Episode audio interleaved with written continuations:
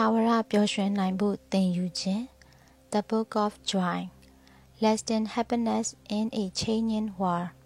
ကိုပီတိခံစားချက်ငါနဲ့နင်တို့ဆိုတာထက်ငါတို့ဖြစ်နိုင်ပါစေဝမ်းမြောက်ရွှင်လန်းစေမဲ့ဘဝခရီးကိုရှောက်လှမ်းရမှာခက်ခဲတဲ့အတားအဆီးတစ်ခုရှိပါသေးတယ်အဲ့ဒီအတားအဆီးကတော့မနာလိုဝင်တူတတ်သောစိတ်ဖြစ်ပါကြောင်း The Book of Joy စာအုပ်မှာဖော်ပြထားပါတယ် ကိုယ်ပတ်ဝန်းကျင်ကလူတွေကိုယ့်ထက်ချမ်းသာသွားတာကိုယ့်ထက်ထူးချွန်တာကိုယ့်ထက်အောင်မြင်ကျော်ကြားသွားတာကိုယ့်ထက်ချောမောခန့်ထည်နေတာစသည်ဖြင့်ကိုနဲ့နှိုင်းရှင်ပြီးတော့လူတဘာဝအရာမနာလိုစိတ်ဖြစ်လာပါတယ်တိဘက်တွေရဲ့လူတဘာဝကိုသတိပေးထားတဲ့ဆိုရိုးစကားမှာတော့ကိုယ့်ထက်သားသူကိုမနာလိုပါကိုနဲ့ဒန်းသူကိုတော့ပြိုင်ဆိုင်လိုပါတယ်ကိုယ့်ထက်နှိမ့်ကြသူကိုတော့အထင်သေးလိုက်မယ် ဂိုင်းချုပ်ဆရာတော်ကြီးတူတူကတော့အခုလိုသူ့အမြင်ကိုစဆွေးနွေးပါတယ်သူတစ်ပါးကိုမနာလိုစိတ်မဖြစ်အောင်နေဖို့ကအတော်ခက်လိမ့်မယ်ထိန်းချုပ်ဖို့ခက်လာတဲ့ခံစားမှုတစ်ရက်ပါတေချာတာကတော့မနာလိုစိတ်ရှိရာနှလုံးသားထဲမှာဝမ်းမြောက်ရွှင်လန်းတဲ့စိတ်ခံစားမှုအတွက်တော့နေရာမရှိနိုင်ဘူးပေါ့မနာလိုစိတ်ကိုကြော်လွှားနိုင်မှုသူတစ်ပါးပိုင်ဆိုင်နေတာလှုပ်ဆောင်နိုင်တာကိုကြည့်နေတာထက် ကိုကဘလို့လှုပ်ဆောင်နိုင်တယ်လဲကိုကပိုင်ဆိုင်တာဘာတွေလဲဆိုတာစဉ်းစားရည်တွက်ပြီးဖျားသခင်ကိုကျေးဇူးတင်ခြင်းပြုနိုင်ဖို့လိုပါတယ်ပြီးတော့ကို့မှာဘလို့လိုအပ်ချက်တွေရှိနေလို့လဲဘလို့ပြင်ဆင်အားထုတ်လိုက်ရင် သူများလိုပဲဖြစ်လာမယ်လှုပ်လာနိုင်မယ်ဆိုတဲ့စိတ်ရင်အားကိုတိဆောက်နိုင်ဖို့လိုလိမ့်မယ်ပို့လို့တဲ့အချက်ကတော့သူတစ်ပါးကအိမ်အကြီးကြီးပိုင်သွားပြီကဲကိုကမနာလို့ဖြစ်နေတာထက်ကိုကိုကိုဆင်ခြင်ကြည့်လိုက်ပါ ငါမိသားစုနည်းနည်းလေးနဲ့အိမ်အကြီးကြီးလိုအပ်လို့လားတဘာဝအရင်မြစ်တွေကြက်စီးရှားပါလာချိန်မှာစီစားများတဲ့ဇင်ခံကားကိုဈေးကြီးကြီးပေးဝယ်တာထက်ဈေးသက်သာပြီးတဘာဝကိုထိခိုက်မှုနည်းတဲ့လျှက်စစ်ကားလေးပဲစီးရင်မကောင်းဘူးလားဆရာတော်ကြီးတူတူပြောနေတာကိုနားထောင်ပြီးနောက်ဒလိုင်းလာမအရှင်သူမြတ်ကကွဲပြားတဲ့သူ့ရဲ့ခံယူမှုကိုတိမ်မွေ့စွာဖော်ထုတ်တင်ပြခဲ့ပါတယ်။ ဆရာတော်ကြီးများရဲ့မိတ်ဆွေကောင်းဖြစ်ခြင်းမှာအငင်းအခုံပြုခြင်းထက်ကွဲပြားတဲ့ခံယူမှုကိုအပြန်အလှန်နားထောင်ခံစားပေးနိုင်ခြင်းကကျွန်တော်အတွက်ကြီးမားတဲ့သင်ယူရရှိမှုပါပဲ။ကျုပ်ရဲ့မိတ်ဆွေကြီးပြောပြသွားတာတွေဟာအံ့ဩဖွယ်ရာအချက်အလက်တွေဖြစ်ပါတယ်။ကျုပ်နားလည်မိတယ်လို့ပြောရရင်မနာလိုဝင်တူစိတ်ဆိုတာမိမိရဲ့ငြိမ်းချမ်းနေသောစိတ်ကိုဖျက်ဆီးလိုက်တယ်လို့မိတ်ဆွေများနဲ့ဆက်ဆံရေးကိုလည်းပွန်းပဲ့ထိခိုက်စေပါတယ်။ဒါရင်မကပါဘူး လင်မယားနှစ်ဦးအကြားမှာလည်းနာကျင်စရာတွေကို ဖြစ်လာစေပါတယ်။မနာလိုစိတ်နဲ့ဒေါသစိတ်တွေကို လုံးဝမကောင်းဘူးလို့လည်းမမြင်သင့်ပါဘူး။ဒါတွေကသဘာဝကျကျရှိနေတာတွေပါ။သို့တော့လွန်ခဲ့တဲ့ဒေါသနဲ့မနာလိုစိတ်တွေဖြစ်နေရင်ကာယံကံရှင်ရဲ့အေးချမ်းနေတဲ့စိတ်ပျက်စီးသွားမှာဖြစ်တယ်လို့ကျမ်းမာရေးလည်းထိခိုက်လာမယ်။မိသားစုအတွင်းနဲ့မိတ်ဆွေအပေါင်းအသင်းတွေအထက်အထိပါထိခိုက်လာပါလိမ့်မယ်။ဘာကြောင့်မနာလိုစိတ်တွေကြီးထွားလာရသလဲ။ စဉ်းစားကြည့်မယ်ဆိုရင်ရုပ်ဝတ္ထုတွေအပေါ်မှာတန်ဖိုးထားမှုကများနေလို့ပါအတွင်းနှလုံးသားကိုတန်ဖိုးထားနိုင်မှုကအားနည်းနေလို့ပေါ့နှလုံးသားကိုတန်ဖိုးထားမှုအားကောင်းလာဖို့ကုသနေကတော့သူတစ်ပါးရဲ့ကောင်းရာကောင်းကြောင်းကိုလိုလားစွာကူညီလိုသောစိတ်ငွေးမြူနိုင်မှုပါပဲသူတစ်ပါးကိုယ့်ထက်အဆင်ပြေနေတာတာလွန်အောင်မြင်နေတာကိုကြည့်ပြီးထပ်တူကြည်နူးဝမ်းသာပေးနိုင်ခြင်းကိုမုဒိတာပွားတယ်လို့ခေါ်ပါတယ်မုရိတာစိတ်ထားရဲ့အည်အသွေးတွေကတော့ ချစ်ခင်ကျင်နာခြင်းစာနာစိတ်ရှိခြင်းစိတ်တည်ငြိမ်ခြင်းနဲ့နှိုင်းဆ၍မရနိုင်ခြင်းတို့ဖြစ်ကြပါတယ်။စာအုပ်ထဲမှာမုရိတာစိတ်ပွားများရှင်သန်ဖို့ဘလို့လေ့ကျင့်ပြိုးထောင်နိုင်မှာမလဲလို့မေးထားတာကိုဆရာတော်ကရတာပေါ့အရင်ဆုံးတို့တွေဟာလူသားချင်းတွေပဲ။တာယာချမ်းမြေ့တဲ့ဘဝကိုလူချင်းသူတွေပဲဆိုတာနားလည်လက်ခံနိုင်ရပါမယ်။ကိုပတ်ဝန်းကျင်ကလူတွေပျော်ရွှင်ကြရင်ကိုလည်းပျော်ရွှင်ရတာပေါ့ တကယ်လို့ငါနဲ့နင်တို့ I and they ဆိုတဲ့ခွဲပြီးမြင်နေတတ်တာကိုကငါတို့ဝီအဖြစ်မြင်လာနိုင်အောင်မိမိကိုယ်ကိုပြိုးထောင်နိုင်ရမယ်မိမိကိုယ်တိုင်ကလူသားအားလုံးနဲ့တစ်ထက်တည်းဖြစ်သွားပြီဆိုရင်လူသားတွေဒုက္ခဆင်းရဲခြင်းကြလို့ကြည်နူးချမ်းမြေ့ကြပါစေလို့ဆန္ဒပြုနိုင်လာလိမ့်မယ်ဒေါသနဲ့မနာလိုစိတ်ကြီးမလာအောင်အရင်ခံဖြစ်တဲ့စိတ်ရှုပ်ထွေးခြင်းမကြေမနက်ဖြစ်ခြင်းတွေကိုကိုယ်အသိဉာဏ်နဲ့ဆင်ញင်လျှော့ချတတ်ဖို့လိုတယ်။ လုံးဝရက်သွားအောင်လုပ်ဖို့တော့ခက်တဲ့ပေါ့လေ။ကြိုတင်ကာကွယ်ခြင်းကကောင်းဆုံးနည်းလမ်းပါပဲကျေနပ်စွာနားထောင်နေတဲ့ဆရာတော်ကြီးတူတူကို ပြုံးပြုံးကြီးနဲ့ကြည့်ရင်မိတ်ဆွေကြီးခမဘယ်ဆရာဝန်ကမှဒေါသကြီးလေလေကျမ်းမာရေးကောင်းလေလေလို့ပြောမထားဘူးမဟုတ်လားဟုတ်ပါပြောမထားပါဘူးဗျာစိတ်ကိုလျှော့လိုက်ပါတက်တောင့်တက်တာဖြစ်အောင်ထားပါလို့ပဲပြောပါတဗျ လူတယောက်မှာတိတ်ခမ်းထားတဲ့အိမ်၊ဇိမ်ကျတဲ့အိမ်ဟာတာယာတဲ့ဂီတတန်တွေရှိနေတော့လဲဒေါသစိတ်မနာလိုစိတ်ဆွဲလန်းစိတ်တွေပြည့်မောက်နေဘယ်လိုလုပ်ပြီးတက်တောင်တက်တာဖြစ်ပါမလဲ။ပြောင်းပြန်ကြည့်လိုက်မယ်ဆိုရင်နောက်လူတယောက်ကဘာမှပိုင်ဆိုင်မှုကြီးကြီးမားမားမရှိပေမဲ့ကြောက်တုံးပေါ်မှာထိုင်နေရရင်တော့သူ့စိတ်ကအေးချမ်းနေမယ်။တက်တာယာနေနိုင်ပါလိမ့်မယ်။ဘလို့ရှင်တန်နေထိုင်ရမလဲဆိုတာသင်ပေးပါ။ ကျွန်တော်အတွက်သင်ယူစရာဘာသာရပ်အစ်စ်ကို The Book of Drawing စာအုပ်ထဲမှာဖတ်ရှုနားလည်ခွင့်ရလိုက်ပါတယ်ဘာသာရပ်အစ်စ်ကိုခေါင်းစဉ်တက်ပေးသူကဒလိုင်းလာမအရှင်သူမြတ်ကိုယ်တိုင်ပါပဲဒီနေ့ခေတ်ကျောင်းပညာရေးမှာဘလို့ရှင်သန်နေထိုင်သွားရမလဲဆိုတာကိုသင်ကြားပေးတာတိတ်အားနည်းနေတယ်ဒုတိယကမ္ဘာစစ်ကာလနာဇီဂျာမနီတို့ရဲ့အကျဉ်းစခန်းကနေမတည်ပဲလွတ်မြောက်လာသောစိတ်ပညာရှင်တယောက်ရှိပါတယ်။သူ့နာမည်က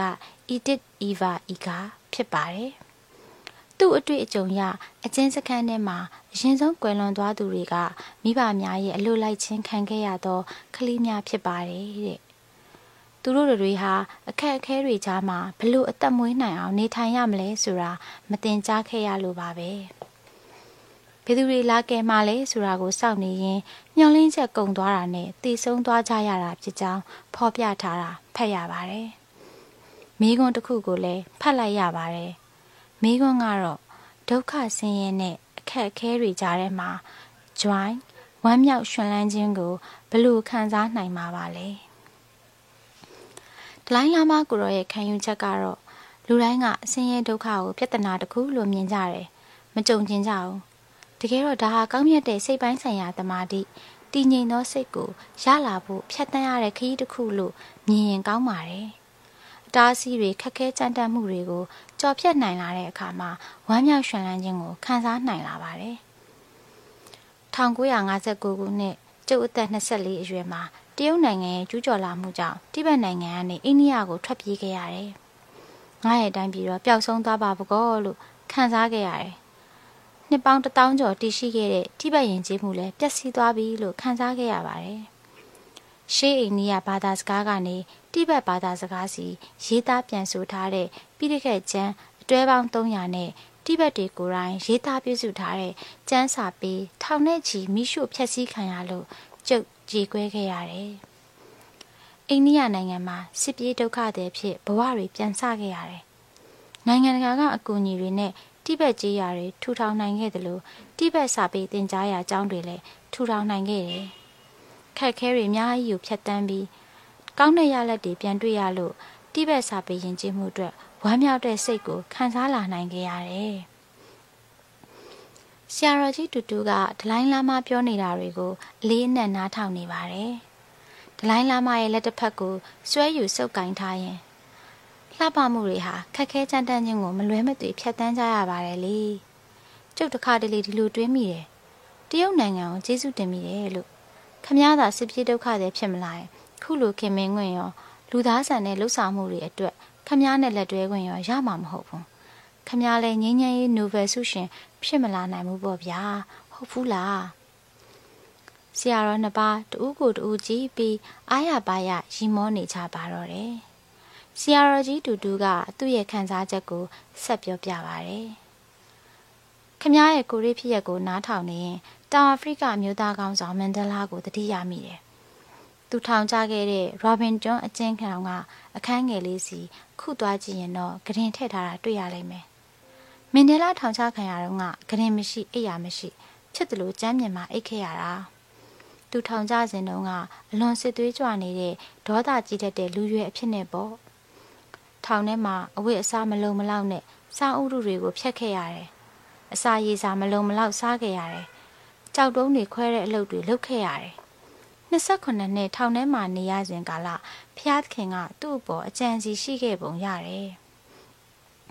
ထောင်ကထွက်လာချိန်မှာလုံးဝမတူတော့တဲ့လူသစ်အဖြစ်သူပြန်ထွက်လာတယ်လေခက်ခဲမှုဒုက္ခဆင်းရဲခြင်းတွေကသူ့ကိုပိုးရင်ကျက်ဖွံ့ဖြိုးလာအောင်လုပ်ပေးလိုက်တယ်လို့ဖြစ်သွားတယ်နယ်ဆင်မန်ဒဲလာဟာသူတစ်ပါးအပေါ်ကိုချင်းစာထက်လာတယ်ဂယုပြုတ်တက်လာတယ် ရန်သူတွေအပေါ်မှာတော့ယုံကြည်မှုပေးနိုင်တဲ့အထိသူပြောင်းလဲသွားတယ်လေဒုက္ခဆင်းရဲကြုံတွေ့ရချိန်မှာနက်နဲတဲ့အတိတ်ပဲကိုမရှာတွေ့နိုင်သူအဖို့ကတော့ဒါဟာခါတိခြင်းပဲလို့ခံစားရမှာဖြစ်တယ်တကယ်လို့နက်နဲတဲ့အတိတ်ပဲကိုရှာဖွေနိုင်သူအတွက်တော့မြင့်မြတ်တဲ့စိတ်ထားတွေမွေးလာစေနိုင်တယ်ဆရာတော်ကြီးတူတူရဲ့သုံးသက်ရှုမြင်ချက်ထဲမှာကျွန်တော်ဖတ်မိလိုက်တာကမိမိအပေါ်မတရားပြုမူလာသူအပေါ်သူလုပ်တယ်လို့ ပြန်လက်တုံပြန်ခြင်းနဲ့စိတ်မျိုးမရှိတော့ပဲကောင်းမြတ်တဲ့တုံပြန်ခြင်းမျိုးကိုသာပြုလုပ်လိုတဲ့စိတ်ဖြစ်ပေါ်လာဖို့ကိုယ်တိုင်ကဒုက္ခဆင်းရဲခြင်းတွေကနေသင်ယူနိုင်ရမယ်ဆိုတာပါပဲဒလိုင်းလာမအရှင်သူမြတ်ကသူ့ရဲ့နောင်တော်ယဟန်တစ်ပါးရဲ့ကိုရိအဖြစ်အပျက်ကိုပြောပြပါတယ်ကျုပ်တို့တိဘက်လူမျိုးများစွာဟာတရုတ်အစိုးရရဲ့အလုတ်ကျန်းစခန်းစီအပို့ခံကြရပါတယ်ကျုပ်ရဲ့နောင်တော်ယဟန်လူပွန်လာတယောက်လည်းပါသွားတယ် တကယ်အေးခဲကြမ်းတမ်းနဲ့နှင်းတော်တဲ့ကအလုတ်စခန်းမှာတေလူမျောပါအလုတ်လုပ်ခဲ့ရတယ်လေဘယ်လောက်အေးလဲဆိုရင်တရွေးထွေးလိုက်ရင်တော့မြေပေါ်ကိုကျသွားတာနဲ့ရေခဲတုံးဖြစ်သွားတဲ့အထိပဲကျုံနောင်တော်ကအသက်မသေးပဲအိန္ဒိယနိုင်ငံကိုလိုက်လာနိုင်ခဲ့ပါတယ်သူပြောပြတာကအလုတ်ချမ်းစခန်းမှာ16နှစ်ကာလအတွင်းသူ့ရဲ့ဂယုဏတရားလူသားဆန်မှုနဲ့မုံမြတ်တဲ့နှလုံးသားခံစားရမှုတွေပျောက်ဆုံးသွားမလောက်အခက်ကြုံခဲ့ရတယ်တဲ့ ခုတော့တတ်တော်62နှစ်ရှိနေပါပြီသူ့စိတ်နှလုံးသားကလည်းအေးချမ်းတည်ငြိမ်နေလျက်ပါပဲအခက်ခဲတွေကိုမလွဲမသွေဖြတ်တန်းကြရမှာပါရုတ်တရက်ကြာရောက်လာတဲ့ဒုက္ခဆင်းရဲခြင်းတွေကကျွန်တော်တို့ရဲ့မာနထောင်လွှားလိုစိတ်တွေကိုဖယ်ရှားလိုက်တယ်လို့ဖြစ်သွားပြီးကိုယ့်လိုခံစားကြုံတွေ့နေရသူတွေကိုလည်းကိုချင်းစာစိတ်ဖြစ်ပေါ်လာစေပါတယ်။ ကိုကြုံခဲ့ရသလိုသူတစ်ပါးအပေါ်ထပ်တူပြုမှုဖို့ကိုလည်းမလိုလားတော့ပါဘူး။ဒါဟာဒုက္ခဆင်းရဲခြင်းတွေကနေတင်ယူရရှိခဲ့သောမြင့်မြတ်တဲ့စိတ်ထားပဲဆိုတာနားလည်လိုက်ရပါတယ်။ဘဝကတူတူလေးပါဘလို့နေထိုင်သွားမှလဲကျွန်တော်လေးစားရပါတော့နှလုံးသားတွေကခေါင်းဆောင်နှစ်ဦးရဲ့ဆွေးနွေးမှုအကြောင်းအရာတရက်က နေထိုင်မကောင်းခြင်းနဲ့ကြောက်ရွံ့ခြင်းဖြစ်ပါတယ် ဆရာတော်ကြီးတူတူကကျုပ်တို့ရဲ့မိတ်ဆွေအတော်များများကွဲလွန်သွားကြပြီဗျကျုပ်တို့နှစ်ယောက်လည်းသတိထားဖို့လိုနေပြီ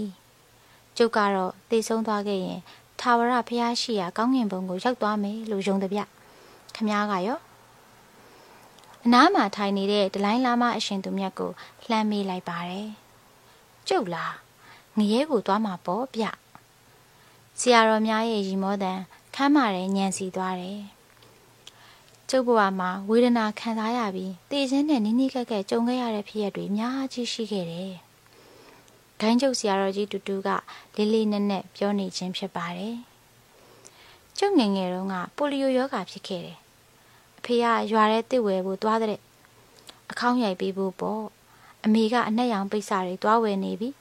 အတုပမှာသုံးဖို့နောက်ဆယ်ကျော်တက်အရွယ်ရောက်ပြန်တော့အဆုတ်နာယောဂခံစားရပြန်ရော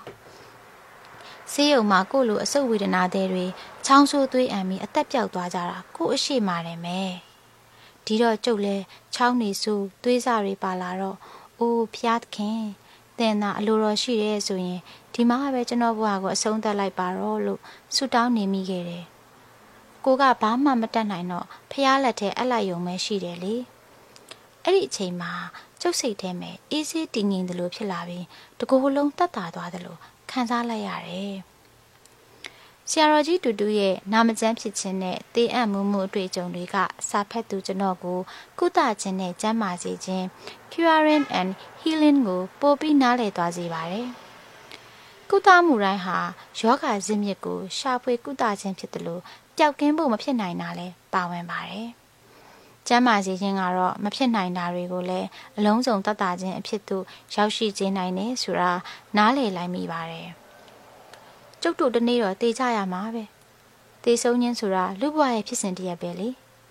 ကျုပ်တို့တွေလုံးဝထာဝရတေးဆုံးခြင်းမရှိရင်ဒီကဘာကြီးကလူတန်း9000ရဲ့ဝင်ကိုဘလို့မှထမ်းထားနိုင်မှာမဟုတ်တော့ဘူးကျုပ်တို့မေးဖွာလာမယ်အရွယ်ရောက်လာကြမယ်နောက်အိုမင်းလာပြီးကွယ်လွန်သွားကြရမယ် ဒါဟာဘဝရဲ့အချိုးညီမျှခြင်းဖြစ်စင်ပါပဲဒလိုင်းလာမကိုရောကဖြည်းဖြည်းချင်းစကားဆပြောပါတယ်လူသားတွေရဲ့စိတ်နှလုံးထဲမှာတေဆုံးခြင်းနဲ့ပတ်သက်လို့စိုးရင်စိတ်ကြောက်စိတ်တွေရှိနေတတ်ကြတယ်တေဆုံးပြီးတဲ့နောက်ဘာဆက်ဖြစ်မလဲဆိုတာနဲ့ပတ်သက်လို့လည်းအမျိုးမျိုးနားလည်ရှုမြင်ထားကြတယ်ခုနခမားပြောလိုက်တဲ့ကောင်းငင်ပုံလိုမျိုးပေါ့ကိုချစ်တဲ့သူတွေနဲ့ပြန်တွေ့ရမယ့်နေရာမျိုး ကျုပ်ကလူတွေကိုပြောလို့ရှိတာကတည်ခြင်းကိုမိမိဘဝရဲ့ဖြစ်စဉ်တည်းအဖြစ်လက်ခံနိုင်ပါစေလို့တည်ဆုံးခြင်းဟာအစာအုပ်ဖြစ်စဉ်လည်းဟုတ်တယ်လို့အဆုံးသတ်ဖြစ်စဉ်လည်းဟုတ်တယ်ဒီတော့ငါနေမထိုင်မကောင်းဖြစ်လာပြီစိတ်ကူတနေရပြီဆိုရင်ဒါကိုလက်ခံနိုင်ရမယ်အိုးငါဒါတွေမဖြစ်သင့်ဘူးဆိုပြီးကိုကိုကိုမလှည့်စားသင့်ပါဘူးခဏနားလိုက်ပြီးဆက်ပြောပြန်ပါတယ်ဗုဒ္ဓမြတ်စွာဘုရားဟောကြားထားတာတွေက ကျုပ်တို့အတွက်အလွန်အထိပ္ပယ်ရှိတယ်။ရှောင်လွဲလို့မရတဲ့ဝေဒနာတွေခံစားရမယ်။မမြဲသောဖြစ်တည်မှုကိုတွေ့ကြုံရမယ်ဆိုတာတွေဟာလူဘဝရဲ့အမြဲတည်ရှိမနေနိုင်ခြင်းကိုထောက်ပြထားခြင်းဖြစ်တယ်။ဒီအချက်ကဘယ်လူသားကမှတကိုယ်တည်းရက်တည်အသက်ရှင်နေထိုင်ဖို့မဖြစ်နိုင်ဘူးဆိုတာရဲ့တူးနဲ့တူပြန်လည်ချိတ်ဆက်အသက်ရှင်ရက်တည်ကြရတယ်ဆိုတာကိုပိုနားလည်စေပါတယ်။ကျုပ်တို့လူသက်တန်းနှစ်တရားဆိုတာတူတောင်းလာတယ် ဒီကာလလိုလေးကိုတော့အတိတ်ပဲရှိရှိမနေပဲပြဿနာတွေဖြစ်အောင်လုပ်နေမိရင်လကားပဲပေါ့တူတောင်းလာတဲ့လူဘဝနေ့ရက်တွေကိုအသိဉာဏ်ရှိစွာသုံးဆွဲဖြတ်တန်းနိုင်ရင်တော့ကောင်းဆုံးပါပဲဗျာလူတယောက်ရဲ့နံမိုင်းရင်ချက်မှုကိုရှေးတိဘက်လူမျိုးတွေကတေဆုံးရခြင်းကိုဘလို့ရင်ဆိုင်သွားတယ်လဲဆိုတာနဲ့တိုင်းထွာဆုံးဖြတ်လေးရှိကြပါတယ်။အကောင်းဆုံးရင်ဆိုင်ခြင်းနည်းလမ်းကတေဆုံးခြင်းကိုဝမ်းမြောက်ရွှင်လန်းတဲ့စိတ် joy နဲ့ရင်ဆိုင်ခြင်းပါပဲကြောက်ရွံ့မှုမရှိ ပူဆွေးဝမ်းနည်းမှုကင်းစွာနဲ့ရင်ဆိုင်နိုင်သူဟာတိဘက်များအတွက်ကတော့ရင်ကျက်ဖွံ့ဖြိုးသောလူသားအဖြစ်ရောက်ရှိသွားပါပြီဒလိုင်းလာမအရှင်သူမြတ်ရဲ့အဆုံးသက်စကားကတော့တွေးစရာတွေအပြည့်နဲ့ပါကျုပ်တို့လူသားတွေမှာတေမာကိုကြောက်ရငရဲကြမှာကိုစိုးရင်ရနဲ့ဝမ်းမြောက်ရှင်လန်းခြင်းကိုရှာဖွေဖို့ဗမာအချိန်ရနိုင်မှာတော့မလဲကျုပ်နားလေထားတာကငရဲကြမှာကြောက်တယ်ဆိုရင်အ သက်ရှင်နေတော့အဓိပ္ပာယ်ရှိရှိနေသွားဖို့ကိုညီလိုနေသူတွေကိုကိုညီပေးခြင်းနဲ့အချိန်တွေကိုအသုံးပြုလိုက်ပါလို့ဒလိုင်းလာမကိုရောကပြုံးပြုံးလေးနဲ့သူ့ရဲ့ချစ်မိတ်ဆွေဆရာတော်ကြီးတူတူကိုစောင့်ကြည့်ရင်ဒါကြောင့်ကျုပ်ကကောင်းငင်မုံထံငရဲကိုပူသွားကြတာဗျဟိုမှာအကူညီလိုမဲ့သူတွေအများကြီးရှိမယ်လေဟုတ်တယ်မလားရီမောတံများလေထဲပြန့်တက်နေပါတော့တယ်မေတ္တာတည်တာပေါင်းစည်းနိုင်၏ ဟိမဝင်နာတောင်တန်းများအပေါ်စီးနှင်းများဖုံးလွှမ်းနေတဲ့အလှကိုဒလိုင်းလာမအရှင်သူမြတ်နေထိုင်ရာအိမ်ရဲ့မှန်ချက်များကနေတွေ့မြင်နေရတယ်။သူတော်စင်ဒလိုင်းလာမရဲ့အထူးဧည့်သည်တော်အင်္ဂလိကန်ဂိုင်းချုပ်ဆရာတော်ကြီးတူတူနဲ့အင်တာဗျူးအစီအစဉ်မှာပါဝင်လုပ်ကိုင်မဲ့သူများနားနေဆောင်တဲ့ကိုအတူတကွရောက်ရှိနေကြခြင်းဖြစ်ပါတယ်။တိဘက်ပြည်ကနေစစ်ဘေးရှောင်ဘဝနဲ့အိန္ဒိယနိုင်ငံမှာခိုလုံနေရသောဒလိုင်းလာမရဲ့စံအိမ်တော်လေးပါ တိဘက်ဘာသာနဲ့ရေးထားသောကျမ်းစာအုပ်များရှေးဟောင်းလက်ရာဗုဒ္ဓဆင်းတုတော်များနဲ့တည်ငြိမ်တက်ရဲ့ခြင်းကိုဖော်ဆောင်ထားသောနားနေဆောင်ဖြစ်ပါတယ်ကြွရောက်လာကြတဲ့ဧည့်သည်များကိုတောက်ပတဲ့အပြုံးနဲ့ကြိုးဆိုရင်းလာကြပါဒီနေ့အစီအစဉ်အတွက်မနက်2နာရီခွဲလောက်ကလေးကထပြီးတရားထိုင်ဖြစ်တယ်လေ။ရေချိုးခဏနားပြီးတရားထိုင်တာကိုဆက်လုပ်ဖြစ်တယ်။တနေ့ဘယ်နှကြိမ်လောက်ထိုင်ဖြစ်တယ်လဲ။ ဆရာတော်ကြီးတူတူကမေးလိုက်တာပါ။ငါးကြိမ်လောက်ထိုင်ဖြစ်တယ်လေ။ကို့ဘဝရဲ့နောက်ဆုံးရင်ဆိုင်ရမယ့်တည်ခြင်းတရားအတွက်ပြင်ဆင်ခြင်းပေါ့ဗျာ။ဆရာတော်ကြီးတူတူကပြုံးဆဆမျက်နှာနဲ့မိတ်ဆွေကြီးတရုတ်အစိုးရကခမားတည်ဆုံးပြီးနောက်ဗမာလူအဖြစ်ပြန်ဝင်စားမယ်ဆိုတာကိုဆုံးဖြတ်ပိုင်ခွင့်မပေးထားဘူးနော်တဲ့။ဆရာတော်နှစ်ပါးတခစ်ခစ်နဲ့ရီလိုက်ကြတယ်။ ရှေးတိဘက်ဗုဒ္ဓဘာသာရဲ့ယုံကြည်ချက်မှာဒလိုင်းလာမအဖြစ်တာဝန်ထမ်းဆောင်ရသူတိုင်းရခင်ရှိကကွယ်လွန်ပြီးတော့ဒလိုင်းလာမပြန်လည်ဝင်စားသူအဖြစ်လက်ခံယုံကြည်လေးရှိကြပါတယ်။ကျုပ်သေးဆုံးပြီးဘယ်မှာလူအဖြစ်ပြန်ဝင်စားမလဲဆိုတာခမားနဲ့တရုတ်အစိုးရတို့အတူတူလိုက်ရှာကြပေါ့ဗျာနော်။ကျုပ်နေ့စဉ်တရားထိုင်နေခြင်းကနောက်ဆုံးသေဆုံးခြင်းခရီးကိုရင်ဆိုင်မှုအတွက်ပါ။ပြန်လဲမေးပွားမယ်။တည်ဆုံးသွားမယ်ဆိုတဲ့ဖြစ်စဉ်ကိုလေ့ကျင့်နေခြင်းပဲ လက်တွေ့တရားထိုင်ရမှာတကယ်တည်ဆုံးသွားတာမဟုတ်ပင်မဲ့တင်အံ့ဆဲဆဲဓဒိုင်းခံစားမှုမျိုးဖြစ်ပေါ်လာတဲ့အထိချင့်ကြံဖြစ်တယ်ခန္ဓာနဲ့အုံနောက်ခံစားသိနေခြင်းတွေခိတ္တရက်တန့်သွားတာမျိုးပေါ့အသက်ရှူတာနှေးသွားမယ်နှလုံးခုန်တာလည်းထို့အတူပဲအုံနောက်အလုပ်လုပ်တာတွေရက်သွားမယ်ကျုပ်ကတရားထိုင်နေရင်ခိတ္တရက်တန့်သွားမယ်ပြန်ပြီးအသိဝင်လာမယ်ဒီလိုမျိုးကျင့်စဉ်မှာတကယ်သေးခြင်းတရားနဲ့ရင်ဆိုင်ရတဲ့အခါမှာ ဒီကျင့်စဉ်ကိုတကယ်အသုံးချဖြစ်မလားဆိုတာတော့မသိဘူးပေါ့ဗျာဆရာတော်ကြီးနှစ်ပါးစလုံးမှာနတ်ဆိုင်နဲ့နံမိုင်းဆိုင်ရာစူးစမ်းကျင့်ကြံအားထုတ်မှုတွေရှိနေကြောင်း The Book of Join စာအုပ်ကိုဖတ်ရင် နားလည်မိလိုက်ရပါတယ်ထင်ရှားတဲ့ဘာသာရေးကောင်းဆောင်များဖြစ်နေခြင်းထက်ပုံမူသောလူသားအည်အသွေးများသူတို့နှစ်ဦးထံကိန်းအောင်နေတယ်လို့ကမ္ဘာလူမှုအတိုင်းဝိုင်းကလည်းသတ်မှတ်ထားကြပါတယ်ခရစ်ယာန်ဘာသာဝင်များလှုပ်ဆောင်ရရှိတဲ့ဆုတောင်းခြင်း ပရိယာဗုဒ္ဓဘာသာဝင်များပြုလုပ်လို့ရှိသောတရားထိုင်ခြင်းတရားအားထုတ်ခြင်း meditation များမှာအလွန်လေးနက်တဲ့အနှစ်သာရများရှိကြောင်းဆရာတော်များကလက်တွေ့ဘဝမှာနေထိုင်ပြုမှုလုပ်ကိုင်ရင်းဝေငှသင်ကြားပေးနေပါတယ်။လူသားတိုင်းရင်ဆိုင်ရလေးရှိတဲ့ဘဝပြဿနာတွေမှာတိုက်ခိုက်မလားရှောင်ပြေးမလား fight or flight ဆိုတဲ့ပုံစံကနေတည်ငြိမ်စွာရင်ဆိုင်ဖြည့်ရှင်းခြင်းပုံစံကို ရောက်လာအောင်တရားထိုင်ခြင်းဆုတောင်းခြင်းတို့က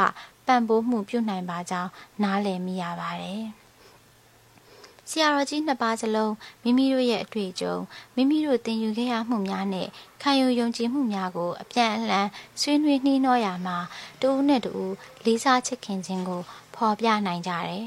။စကားအနိုင်ယူခြင်းဒေါသနဲ့တုံ့ပြန်ခြင်းမျိုးမဟုတ်တဲ့မတူကွဲပြားသော နားလည်ခံယူချက်တွေကိုအပြန်အလှန်နားထောင်ခံစားပေးနိုင်တယ်။စကားပြောကြရင်လဲ စင်ញင်စဉ်းစားရင်အလေးထားတုံ့ပြန်ကြတယ်။ pause and choose the response ဆိုတာကိုဖတ်ရှုရင်းသင်ယူခွင့်ရလိုက်ပါတယ်။ဒလိုင်းလာမရဲ့တရားထိုင်ခြင်းအနှစ်အရသာကိုနားထောင်ခန်းစားပြီးကြတဲ့နောက်မှာတော့အားလုံးအသင်ဖြစ်ရင်ကျုပ်တို့ပွဲတော်မင်္ဂလာကိုစတင်ပါမယ်။ ခရစ်ယာန်ထုံးတမ်းစင်လာရကျုပ်တို့ဟာသခင်ယေရှုခရစ်တော်နဲ့ထပ်တူထပ်မျှဖြစ်ခြင်းတလုံးတဝရတဲ့ဖြစ်ခြင်းကိုပုံဆောင်တဲ့အနေနဲ့မုံနယ်ဝိုင်းကိုမျှဝေသုံးဆောင်ကြပါမယ်။ဆရာတော်ကြီးတူတူဦးဆောင်ပြီးမြင့်မြတ်တဲ့ပွဲတော်မင်္ဂလာကိုအားလုံးပါဝင်ကြပါတယ်။ဆရာတော်ကြီးတူတူကဆူတောင်းခြင်းတမချန်းစာရွတ်ဖက်ခြင်းများပြုလုပ်ပြီးတိဘက်ရိုးရာမုံနယ်ဝိုင်းကိုဝေမျှပေးပါတယ်။ ဒလိုင်းလာမအရှင်သူမြတ်အလှဲ့မှာတော့ပေးဝေတဲ့မုတ်ကိုအရင်လက်ခံသုံးဆောင်ပြီးဝိုင်းကိုမျှဝေစဉ်မှာတော့သူ့ရဲ့ဘဲဘက်လက်ကလက်စွပ်ဝတ်ထားသောလက်ချောင်းကိုဝိုင်းခွက်ထဲနှစ်ပြီးဝိုင်းအဆက်ကိုနှကန်းနဲ့တို့ထိသုံးဆောင်ပါတယ်။အားလုံးအဖို့တို့ဖရာသခင်ထံမှငြိမ်းချမ်းခြင်းနဲ့ငြိမ်သက်ခြင်းအစဉ်အမြဲတည်ရှိတက်ရောက်ပါစေသောဆရာတော်ကြီးတူတူရဲ့အဆုံးသက်ဆုတောင်းခြင်းနဲ့ပွဲတော်မင်္ဂလာပြီးဆုံးသွားပါတယ် တကယ်တော့ခရစ်ယာန်များရဲ့ပွဲတော်မင်္ဂလာဟာဘာသာမတူသူများကို ပြုလုပ်ပေးလိမ့်မရှိပါဘူးတို့ပင်မဲ့ဆရာတော်ကြီးနှစ်ပါးကတော့အကာယံတတိုင်းများကို ဖြိုချပြီးတပေါင်းတစည်းတဲ့ဖြစ်ခြင်းကို ဖော်ပြလိုက်ကြပါတယ်။အစီအစဉ်ပြီးမှဒလိုင်းလာမကိုရောက